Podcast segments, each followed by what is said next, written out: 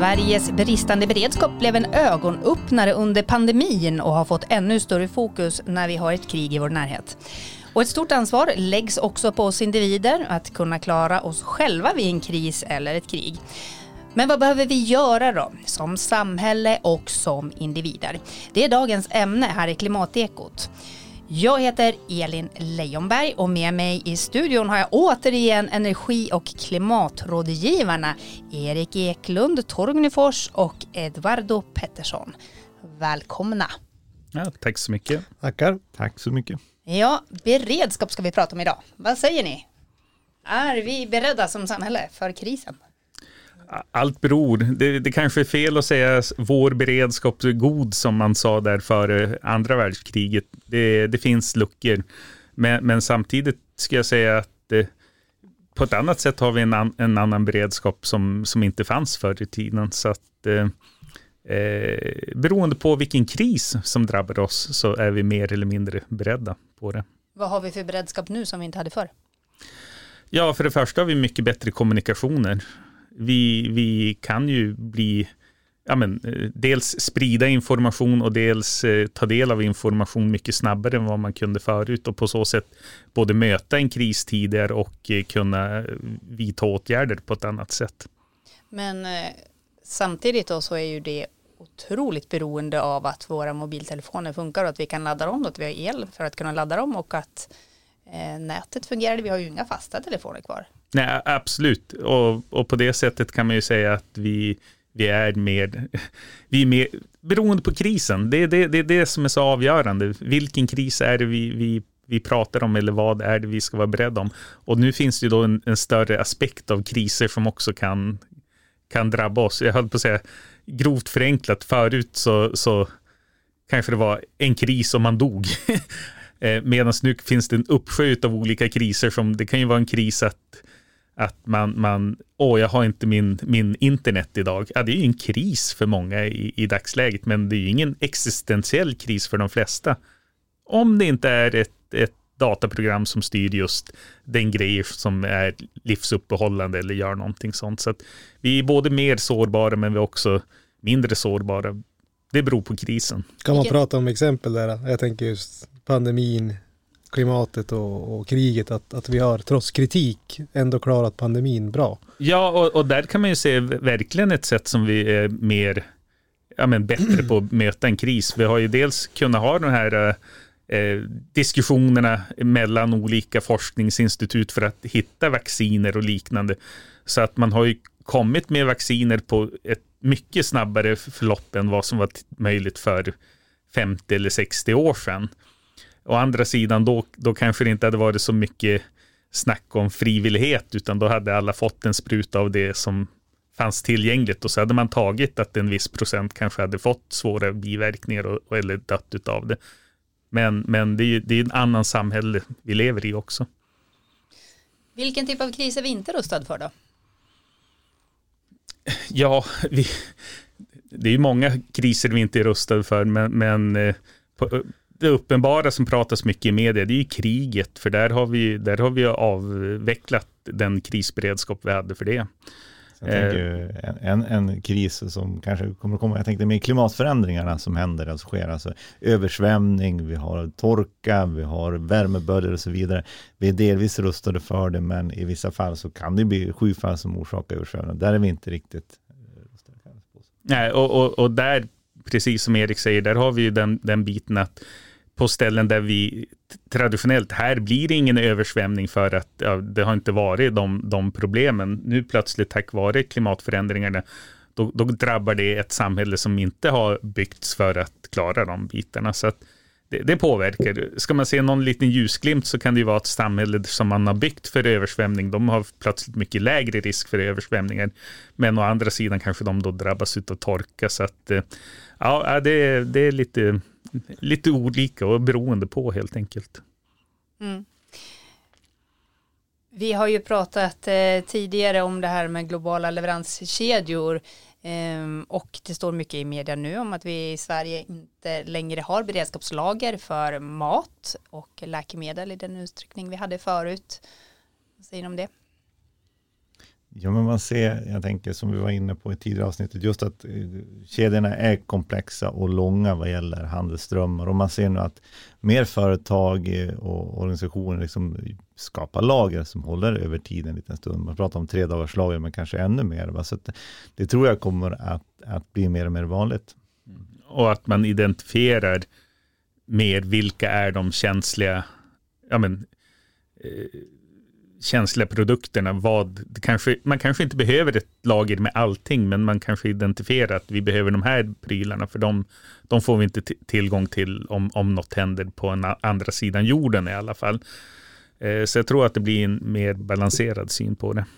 Ja, jag, jag tänkte också grupper, dels i samhället men också dels själv, att man kan fundera över sin egen livssituation och ja, men så här, kan jag göra något och vad kan jag göra och vore det roligt att göra till och med? Har man gått och funderat på att sätta någon frön i backen kan det vara kul att prova det och ja, men sådär att det blir om man inte har gjort det kanske det blir en knuff. Eh, och om inte annat så kanske man uppskattar också det jordbruk som ligger runt knuten eller det vi har till vardags, liksom den här mjölken som kanske står för våran del av landet framför allt. Mjölk och kött.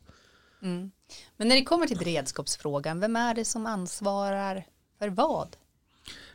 Oj, den korta svaret är ju också igen, vilken kris är det vi pratar om? Men, men generellt när det gäller krisberedskap, då brukar man säga att en kris börjar i en kommun. Om vi nu har en svensk syn på det, eh, på organisationen. Det, det är en kommun som branden börjar i. Det är en kommun som ja, men, råkar ut för elavbrottet först. Sen kan det vara flera kommuner och det kan vara, ja, det kan ju vara ett företag i en kommun och liknande. Men, men det är, mycket faller tillbaka på kommuners ansvar. Så, så är det. Mm. Vad har Länsstyrelsen för roll i det hela? Ja, eh, ja, de har ju flera roller där också. Eh, men både dels att kunna stärka upp kommuner när de behöver extra hjälp, till exempel om vi pratar skogsbränderna, att, att när det var en skogsbrand i en eller två kommuner, då löste kommunen det själva eller samverkade. Men så fort det sprider sig över större områden eller att det blir för, för stort för kommunen att hantera, då kan ju länsstyrelsen stiga in och, och hjälpa till. Dels att inte att peka med hela handen och, och bestämma så gör ni, så gör ni, utan mer, mer att samverka och, och, samla in och ordna de resurser som, som samhället i övrigt kan komma med. Men eh, hur jobbar man som kommun med beredskapsfrågorna? Ja, det är väl lite olika, eller på att säga, men lika olika delar. Vi har väl haft brand som framförallt har haft ansvaret tidigare. Eh, och så har väl, jag på att säga, våra, våra egna delar där vi sitter på miljö och hälsoskydd, det finns ju specifika personer som har ja, men, tilldelade områden utifrån en kris. Eh, då kanske vi inte pratar krig när vi säger det, det kanske har mer med utsläpp att göra eller liknande. Eh, så. Men, men olika områden med olika personer som har ett speciellt ansvar. Mm. Men vilka, det, det, finns väl vissa så områden som en kommun ansvarar för, till exempel vatten, vattentillgången. Eh, vad finns det mer som, som, ligger på kommunens ansvar? Skola, omsorg och så vidare. Mm. Som, som är, kommunen är skyldiga att, att uh, tillhandahålla även om det är en kris. Va? Så ska de fortsätta kunna driva den här verksamheten upp till tre månader. Ja, precis. Och, och, och, det finns ju visserligen undantag. Jag höll på att säga, brinner skolan här och nu? Det är klart man inte ska sitta och bedriva skol, skola i, i skolan när den brinner. De, definitivt inte, men, men, man har ju de, de ansvaren Erik säger. Och eh, där finns det ju, precis som man har sagt nu, flera, flera nyhetssändningar eh, i, i Sverige. Man har, man har tappat lite det tänket som fanns för, för 20-30 år sedan. Och, och, det är nog en, en väldig utmaning att dels kanske man inte ska bygga upp det som var, men utmaningen ligger till vad ska man landa i? Hur ska det se ut? Och, och där har man ju, man har ju börjat, men man är ju inte framme än. Hur viktigt är det att vi bygger upp vår egen beredskap då som individer? Ja, men det, det är betydelsefullt av flera anledningar. För det första så, så man vill ju inte vara utan eh, mat och, och vatten och, och, liknande. Och där finns det ju uppmaningar från, från MSB, till exempel att vi, vi ska ha, eller vi bör ha, heter det ju, egna förråd. Och då är alltid den här, ja men hur lång tid ska det vara? Ja men eh, förut pratade man 72 timmar, man pratar även om att om det är tidigast om två veckor vi kan få hjälp om det är någon större kris från internationellt men en vecka brukar man landa in i att det är bra att man har, har mat, och, och, och vatt, eh, mat och dryck för, för en vecka och kunna klara sig om, om något skulle hända i alla fall. Och det betyder ju inte att det, är, det är för kriget, utan det kan vara långvariga elavbrott och det kan vara andra eh, händelser som man behöver vara lite för, förberedd på. Och genom det, då får man ju också en bättre eh, resiliens i samhället. Att då, då, kan ju samhället hjälpa de, de utsatta grupper som äldreboenden och, och skolor och liknande. För om alla behöver hjälp samtidigt, då, då blir det väldigt svårt för, för kommuner och myndigheter att kunna hjälpa alla på en gång. Det, det, det har vi inte resurser och det har vi inte möjlighet att göra. Mm. Vi såg ju, det var ju bara några månader sedan när omikron härjade som mest och vi hade kvar karantänsreglerna när det blev diskussioner kring att man kanske inte skulle klara av eh, energiförsörjningen och vattentillförsel till exempel om eh, personalen där blev sjuka för att det kräver sån pass spetskompetens. Hur pass sårbara är vi på det området? Alla arbetsplatser som har nyckelpersonal är ju, är ju sårbara. Och någonstans hamnar man ju, vart ligger samhällets sårbarhet? Ja, det beror ju på, pratar vi om att folk dör eller pratar vi om att folk är sjuka och borta en vecka? Eh, någonstans blir det att ja, vi har inte tillräckligt med folk. Är det 30 procent eller är det 10 procent redan? Det, det, det, är lite mer vagt där, men eh, är folk bara sjuka, då kan ju folk under en period jobba längre och man kan täcka upp för varandra. Är det att folk dör, då är det ju väldigt lång tid till att man ska kunna hitta ersättningsfolk och då blir det ju en mindre mängd som gör en, en, ja, men en större betydelse för att kunna hålla de där bitarna. Så det, det är väl eh, definitivt en, en sån sårbarhet. Och där, där, kan man ju fundera, ja men eh, tidigare hade man ju, dels var man ju krigsplacerad på civila uppgifter och det har man ju börjat prata om i samhället nu idag. Men även att eh, man kanske behöver inventera frivilliga som är utbildade. Det finns så många som är certifierade, ja men du kan vara certifierad på sjuksköterska eller pannförare eller ja men alla möjliga vatten Rening kan ju också vara certifierad för och har du väl uppnått det då, då kan du ju plötsligt vara en resurs för samhället och, och det tänker jag att det kan man kanske bli både bättre på att, att omhänderta och eh, man kanske ska använda det också i planering på liknande sätt. Mm. Nej, men jag, jag satt och tänkte, nu är vi inte ursprungsfrågan här, men, men utifrån ja, men dels vad vi kan själva och att på något sätt i kris så har vi ju också samlat oss som samhälle och då är det just de här vad, vad, alla kan på något sätt som hjälps, som hjälps åt. Jag höll på att tänka på den här stormen och eh, ja, i Mellansverige där det rev så himla mycket el och de var ju ute, var det månadsvis de var utan.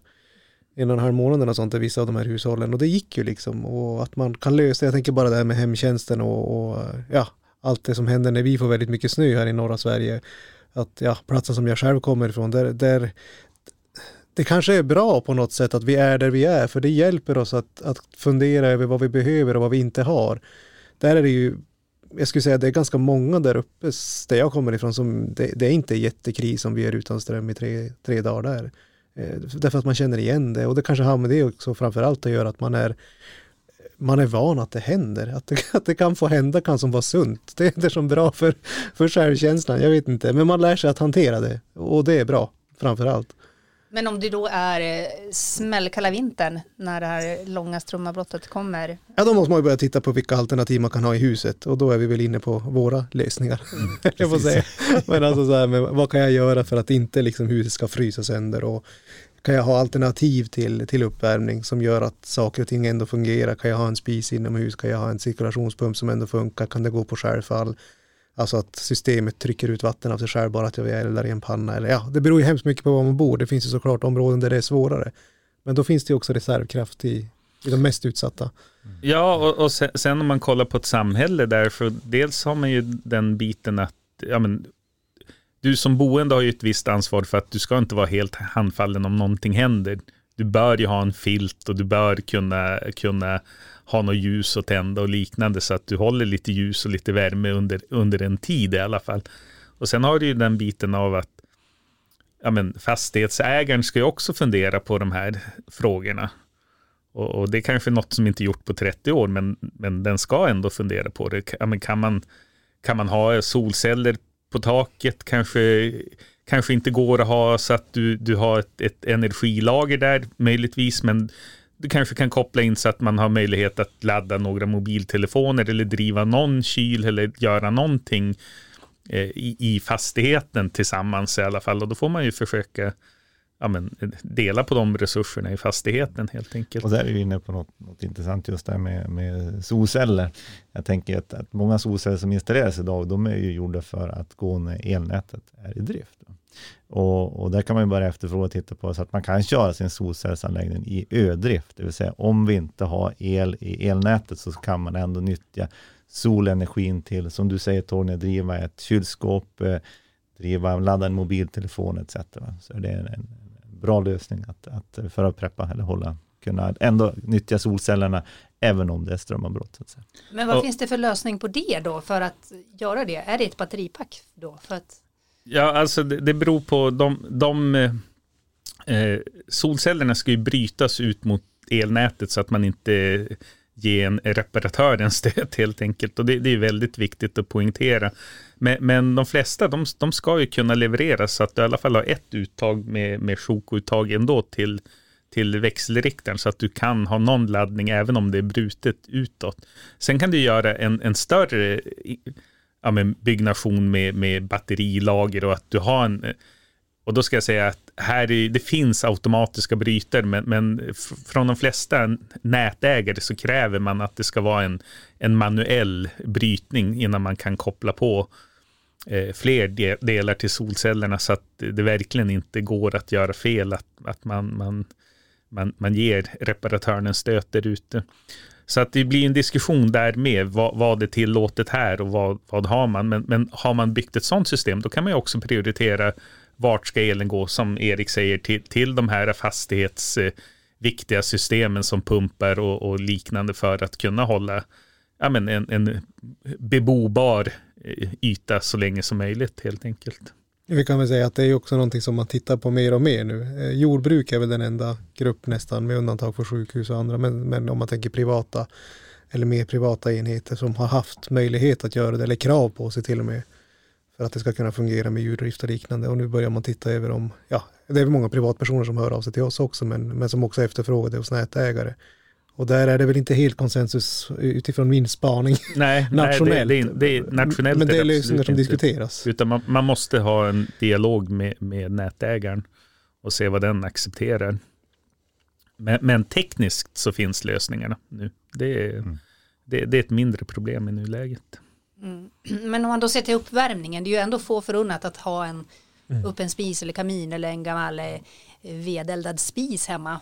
Eh, hur ska man hantera det? Ja, men, ja, men, som vi började prata om, att ha lite själv en filt och värmeljus och sånt hemma, det, det, det är ju som A i den där biten. Sen, sen kommer det ju till då, ja, men, kan man köra fjärrvärmenät eller liknande på, på någon form av ja, men, går det att köra helt och hållet med hjälp av reservkraft? Ja, nej, ja, det är några pumpar som måste igång, ja, då måste vi ha någon reservkraft på de delarna också. Och jag tror ju tyvärr att man har ju tappat förmågan att ha eh, reserv på hela, hela näten i stort i, i, stora delar av landet. Undantag finns säkert, men man kan ju fortfarande driva vissa delar och så kan man förflytta, så man kanske får får omfördela resurser och köra, ja men, eh, ja men förmiddagen då får ni värme, eftermiddagen får ni värme och så går man runt i området och, och hoppar lite för att kunna säkerställa att, att, att det i alla fall är en, en okej okay miljö. Mm. Och sen jag tänker också, det beror lite grann på hur du bor. Jag tänker, bor du i stan i en lägenhet, då är du beroende av det Torgny säger här, att man får fjärrvärme levererat, att man kan stötta upp med reservkraft. Men bor du i, i villa är du på något sätt också egen fastighetsägare och har ett eget ansvar att se till att du får värme i ditt hus. Och, och, då är ju, jag tänker just att se över vilka värmekällor har man. De flesta kanske har någon typ av värmepump som är beroende av el, men skulle ha någon kompletterande värmekälla kan det vara bra på sikt att sätta in en kamin exempelvis, om det finns möjlighet till det. Eller att man har andra typer av uppvärmningskällor. Det finns ju också även etanolkaminer som man kan ha i nödfall. De är fina att titta på, men de ger ju inte lika mycket värme som en, en vedkamin, men, men lite grann i alla fall om det är riktigt kallt ute, så kan de vara sköna att ha. Mm. Om vi då tar det till eh, den här beredskapslådan som det pratas allt mer om att vi bör ha hemma. Eh, I början av pandemin då bunkrade vi toapapper. Eh, vad är det egentligen vi ska stoppa i den här lådan? Ja, det du behöver är det korta svaret. Eh, men man kan ju börja med det viktiga, det är ju medicin i alla fall. Och sen är det ju lite, lite ja men vad, vad behöver jag mer? En filt definitivt tändstickor, värmeljus eh, och, och, det vi pratade om i, i förra avsnitt, eh, eller det vi pratade om tidigare med kommunikation är ju viktigt, att få veta saker så att en vevradio är ju definitivt en bra sak att ha i alla fall. Eller vev, någonting som är oberoende från, från att stoppa in kontakt i väggen. Du kanske har batteri batteriradio också, men, men har du en vevradio blir det ju aldrig utan elen så länge du orkar veva den. Mm. Och de har dessutom ofta solceller, de här väven. Mm. Mm. Och vatten tänkte jag på, mm. eh, som kanske också är bra om man kan lagra. Vatten och det finns ju även eh, sofistikerade vattenfilter man kan, man kan ha också. Ja, för vatten behöver vi prata om, för det är ju mycket vatten som går åt per person eh, ja. och dag. Så att ha en dunk hemma på en hel familj, det kommer mm. ju inte räcka speciellt länge. Och det är få kanske som har 20 dunkar hemma. Hur ska man hantera vattensituationen i den händelse av att eh, kommunen inte längre levererar vatten om man inte har egen brunn? Vi har ju ganska väl förspänt med vatten. Vi kan ju börja där. Eh, och att, att, ha en kris där man blir utan vatten, då handlar det oftast, vad ska jag säga, att eh, det kan vara temporärt att några rör har gått sönder eller liknande. Nu, nu, nu, vi ska inte måla fan på väggen att det är krig och ja, men då kanske hela stan är förstörd. Men, men då kanske du inte är kvar där med, med vattnet heller, utan vattnet blir ju en tidsperiod. Hur länge kommer jag kunna tänka mig att vi är utan vatten här? Och man bör ju tänka tre liter per person och dygn i sådana fall minst. Men samtidigt behöver man en hel vecka eller kommer det komma en, en vattenvagn eller liknande det, det, är ju det är lite saker man får ha, ja, men, ha, ha väga för och emot där. Men, men Sverige är ju väldigt lyxigt på det sättet. Vi har gott om vatten runt omkring och då är det som Erik säger att det kanske är kanske ett vattenfilter vi behöver eller något liknande i, i lådan om det skulle vara så extremt. Annars är det ett par dagar vatten då, tänker jag. Mm. Hur står det till med vattnet i våra älvar och bäckar och sjöar nu för tiden? Kan man dricka det? Ja, jag vet inte om jag ska svara på det. jag tänkte att Torgny kanske är mer lämpad. Nej men alltså det går ju att dricka så med vattenfilter, ja det är möjligt. Om vi pratar nu överlevnad så kanske mer. Eh, så vi har ju ganska bra vatten och, och, just färskvatten och det vi dricker i Sverige generellt. Eh, och jag tror ändå att många, många inte bor helt långt ifrån. Där vi bor har vi dessutom snön. Eh, så det är väl mitt spontana svar. Sen, sen är ju inte alla, alla dessa, vad heter det, bäckar och älvar perfekt vatten. Så. Eh, nej, nej, men nu är det bra att ha ett filter, mm. definitivt i sådana fall. Men, men det är ju inte som i en öken att vi inte har tillgång till vatten någonstans. Och då, då kan man, om man nu ska, ska effektivisera i, hur mycket rymmer jag i garderoben, det, det kanske man, man får ta en vattendunk för att man tänker att ja, det här kommer jag kunna fylla på. Om det inte är så, eller att man vill vara lite mer förberedd, ja men då har man någon form av vattenfilter också. Som, och det finns ju, jag höll på att säga allt från högteknologiska små sugrör du kan ligga och sörpla ur ett dike till, till den här enkla kannan du bara kan, kan fylla på så filtrerar det igenom och så dricker du i, i, kan vi säga lite mer civiliserat helt enkelt. Det är ganska mycket som har dött efter 7-8 minuters kokning. Kokning är också bra och, och, och, det, det, är ju, det är ju nästa bit, helt klart så är det. Mm. Big bubbles, no troubles. Så, ja. så är det, ja. ja. Eh, och mat, då pratar vi konservburkar brukar man höra, men eh, det kanske inte är så ofta. Alltså, man, man, man, ska ändå kunna äta upp den här maten om inte krisen kommer, tänker jag. Att ha burkravioli om man normalt inte äter burkravioli. Är det så vi ska ha det, eller hur ska man tänka?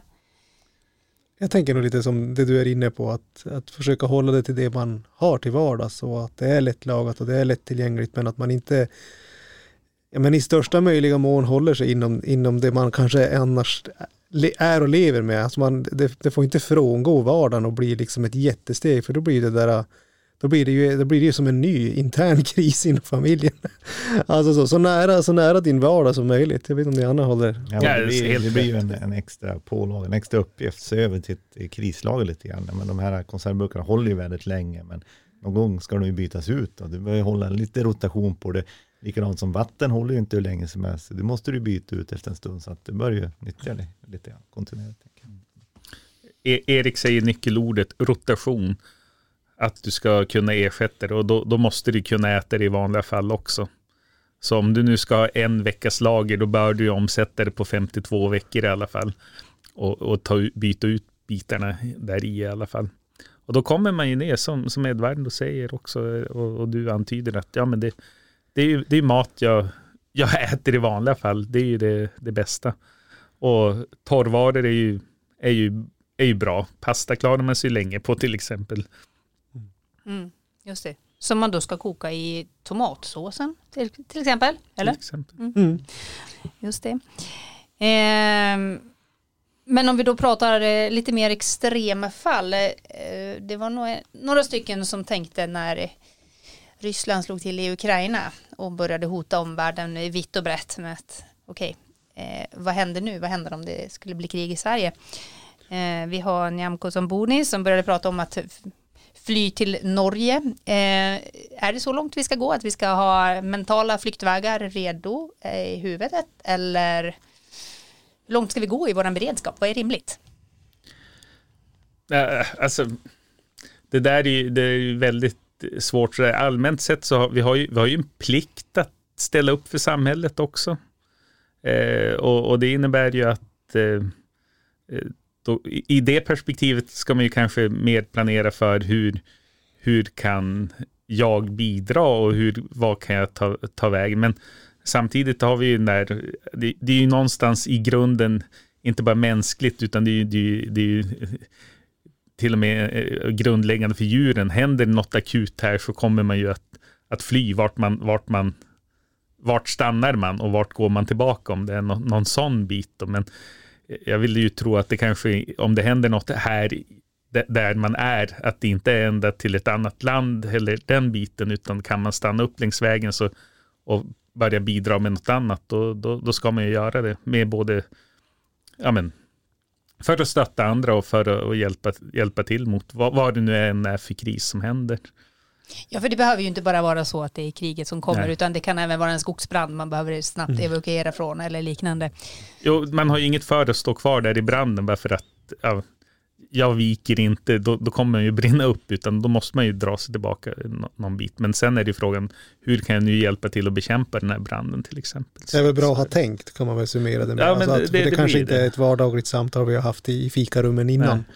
Utan någonstans var, ja men vilka relationer har jag, vem känner jag, men sådär, vad, ja, men, lite grann det vi pratar om om man nu flyr i steg eller vad man ska säga. Att, att tanken finns och att man har gått igenom det någonstans för sig själv, kanske som, som vuxen i den familjen om man nu flyr som en familj. Men sen är det ju, jag höll på att säga, kriget är väl krig får man väl säga. Det, man gör ju saker, i, i, alltså beslut tas ju i en helt annan kontext än i det här trygga rummet vi sitter nu. Och, och, och samtidigt har vi ju den biten att om vi nu pratar om vad, vad gör länsstyrelsen, vad gör kommuner, händer det någonting då är det ju också ett ansvar att komma med ja, men uppmana den här behöv, delen behöver evakueras till exempel och liknande och att kunna följa de direktiven och då kommer den där radion tillbaka är så viktigt att höra, ja men på grund av skogsbranden så måste vi evakuera byn A och byn B. Ja, men då har jag hört det. Då är det, då är det dags att åka. Ja, vilken väg ska jag ta så jag inte får in i skogsbranden? Ja, färdas mot vindriktningen. Ja, men då vet man det. Då, då kan man ju ta, ta de åtgärderna. Men, men då kräver det ju att man, man har tänkt på hur, hur får jag rätt information och från vem ska jag lyssna? Mm. Och informationen som du säger, det är A och O i en kris. Ja. Det är jätte, jätteviktigt. Och det är lätt här, här att säga så här vanligt, ja men jag kollar bara i mobilen, jag har en app eller något liknande. Ja, vad händer om den försvinner? Ja, men då behöver man ju ha funderat på vil, vilka vägar och vart söker jag eh, svaren på frågorna. Så Mm. in, information är ju väldigt viktig i krisberedskap, att veta vart man hittar den. Jag tänker att vi ska prata om eh, det här begreppet lär känna dina grannar också. Vad spelar det för roll? Att vi känner våra grannar? Ja men det är ju väldigt bra. Alltså sådär, och jag höll på att säga det är väl bra i en omställnings... Alltså vi pratade i förra avsnittet om det här med klimatet och, och, och hela den biten och det är ju väldigt många som, som tror att, att sociala relationer och att ha liksom stabila nät runt sig det kommer inte att bli mindre viktigt. Och i en akut kris är det ju absolut superviktigt. Och jag tänker just det här med bor man i en by, bor man med grannar så Ja men ofta om det händer saker så, alltså det kan ju vara något litet som att ett barn faller eller så, så ofta upplever jag ju själv att, att eh, folk kommer ju fram och man får hjälp. Och det där är ju superbra. Och sen har man Sen har man kanske inte orken, kanske inte drivet, man lever i en vardag där allt inte liksom går att bara upprätta. Så jag tänker allt som man redan har kan man ju fundera över. Man kanske kan prata om de här sakerna men men har man en VA-grupp, har man ett liksom naturligt forum där vi finns, en plattform där vi möts, en förening eller ja, det kan ju vara en intressegrupp, det kan ju vara hobbygrejer. Det kyrkan. Kan, ja, kyrkan, ja. Så är ju det, alltså inte skapa något nytt utan fundera över vad man har naturligt kanske redan, där vi, där vi redan möts och träffas och där vi kanske framförallt har relationer. Eh, man känner de här människorna och vi känner kanske att vi är trygg med dem också. Då, då tänker jag att det är en bra bas att utgå ifrån. Och det, det, det blir ju en jag skulle säga, ett steg mot den, den större beredskapen om vi, om, vi, om vi kollar på klimatförändringarna också. Ska, någonstans ska alla ha, ha tre motorsågar stående hemma eller räcker det att ja, men, man, man har ett bra samverkan i, i området och man, ja, men, jag kan gå till Edvarden om jag behöver låna till motorsågen. Eller jag kan ringa Edvarden om det är så att nu behöver vi hjälp med det här trädet. Och att man vet om de bitarna som Edvarden säger. Men med de befintliga nätverken.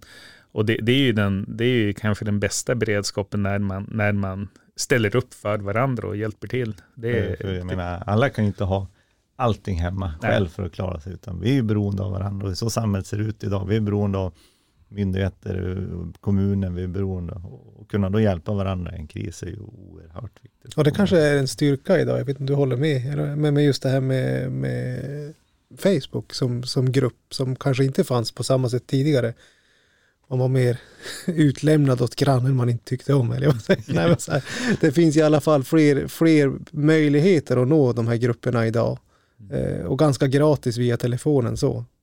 Då vet jag inte om de, om de har prövats aktivt, om det finns eh, referenser att hämta där. Jag vet inte vad du säger. Jag, jag, tänkte, jag vet inte om jag ska säga så mycket om det. Det jag tänker är ju mer att det kan ju vara bra att har man nu den gruppen eller upprättar den gruppen att man har ja, men, på något sätt träffat folk fysiska innan någonting händer i alla fall, för det är ju ganska svårt. Jo, jag såg dig på en Facebookgrupp innan, innan det här elavbrottet och nu, nu vill jag ha hjälp. Det, jag tror inte att man får den hjälpen då, men har man, har man då, ja men fundera, i, i, egentligen, jag tror att man, man ska börja där bland de man umgås och trivs med. Då, då, blir, det ju, då blir det ju naturligt också där man, där man hjälps åt då, i sådana fall. Mm i romaner och filmer och sådär så framstår människan ofta ganska egoistisk i en krissituation. Men det är inte riktigt så vi agerar va? Nej. Nej, inte utifrån det man ser och läser. Det känns som att vi har de här kaosscenarierna, de är för filmen. Det är som du säger också, men händer det någonting så vill man komma och hjälpa till och se mm. hur kan jag hjälpa dig, hur kan jag hjälpa till? Det är så människan fungerar tänker jag. Det känner man ju själv också är det någon liten grej som händer på gården, någonting, någon granne eller någonting, så vill man ju vara dit och hur kan jag hjälpa till på olika sätt. Så jag tror absolut man Ja, det är trösterikt att se. Ja. Verkligen. Och, och, och, där ser man ju också en väldigt bra del med, med vad ska jag säga, samhällets beredskap. Eh, eller hur man kan hänga upp samhällsberedskap. Det, det är att ta vara på de här frivilliga krafterna som kommer in. Eh, jag, jag, tycker man kan, man kan slå ett slag för de här frivilliga resursgrupperna redan i förväg. För de ställer upp vid elavbrott och de ställer upp med alla möjliga eh, händelser som, som inte är vad ska, den här stora krisen, utan de här även vardagskriserna som kan hända i en, i en kommun. Ja, men det, det är snöstorm, det kommer inte ut medicin, hemtjänsten har fullt upp, ja, men då, då finns den gruppen och kan stötta och hjälpa till eller köra någon, någon skoter till utsatta grupper och liknande. Så att, att man har det och, och, att de kan omhänderta och, och, och, ta in frivilliga och liknande, det, det ger ju en, en, styrka också. Men, men det gäller ju att antingen kommunen eller området, att man har de vägarna upparbetade och att man eh, ja, men, tillåter dem att, att finnas också. Mm. Eh, Men vad är det vi, vi kan förvänta oss då att eh, samhället ska ordna med, så att säga? Ja, det. En, en, en, en sån, tänker jag, en nyckelfunktion som samhället är ju att, att bidra med korrekt information vid en kris. Jag tänker, de har ju en, en skyldighet, som Sveriges Radio har en skyldighet att, att sända vad som händer, det man vet, liksom, nuläget i en krissituation. Så det är ju en jätteviktig som, som samhället har. Och, och sen är det ju, ja, som det sagts tidigare, alla de här stora lagren och liknande, det, det avvecklades ju. Och då, då blir ju de bitarna en kommun kan ha eh, eh viktigare med, med, samordning och hitta, för, e, eftersom man inte bara har en lucka att öppna och plocka fram grejer. Och, och då gäller det att kunna prioritera och, och, och ja, men, distribuera resurser som, som, som de, de få som finns helt enkelt så att de kommer till rätt ställe. Mm. Men vad är problemet då? För jag tänker att nu har vi ju ändå identifierat i samhället i Sverige till exempel att vi har låga beredskapslager på vad gäller mat och medicin exempelvis. Eh, borde man inte bara kunna kasta lite pengar på problemet och köpa in ja, men, massor med beredskapslager? Eh, massor är kanske, dels har man ju, man ju börjat titta på det, man har börjat titta på det från EU-nivå också och Sverige ska ju få ett av EUs beredskapslager bland annat. Eller få upprätta, det, är, det, det, det medför ju kostnader här också så det är inte det bara få. Men, men, men, men sen handlar det ju just där att identifiera vad är de vilka delar kan vi inte klara oss utan lager och vilka delar kan vi klara oss utan att behöva lager? För förut, om man ska hårdra det, var det ju enorma lager och det var ju, det var ju väldigt mycket som, som inte egentligen skulle användas i, i ja men, det var väldigt få tillfällen det, det var nytta med, med de lagren, delar av de lagren. Och då, då, gäller det ju att man kanske, ska man bygga upp nya lager? Ja, det kanske man måste på vissa delar. Men alla delar, nej det tror jag inte. Utan det, det måste man hitta en annan robusthet i samhället och, och, det kan ju ske både i det lilla eh, mellan individer och det stora i samarbeten mellan nationer, hur man, hur man tänker på dem. Mm. Eh, avslutningsvis då, vad är era bästa tips för att klara en kris? Ja, var vän med grannen. Ja, jag tänkte säga samma sak. Nej, men kanske också det jag tänker på det här med det du resonerade i början med att, att också tänka vad kan jag göra? Eh, och, och, hjälpa till med. Och, för jag tror att väldigt många sitter också på väldigt mycket kunskap. Eh, så jag tänker att det är också ett, att se sig själv som en resurs och ett bidrag. Ja.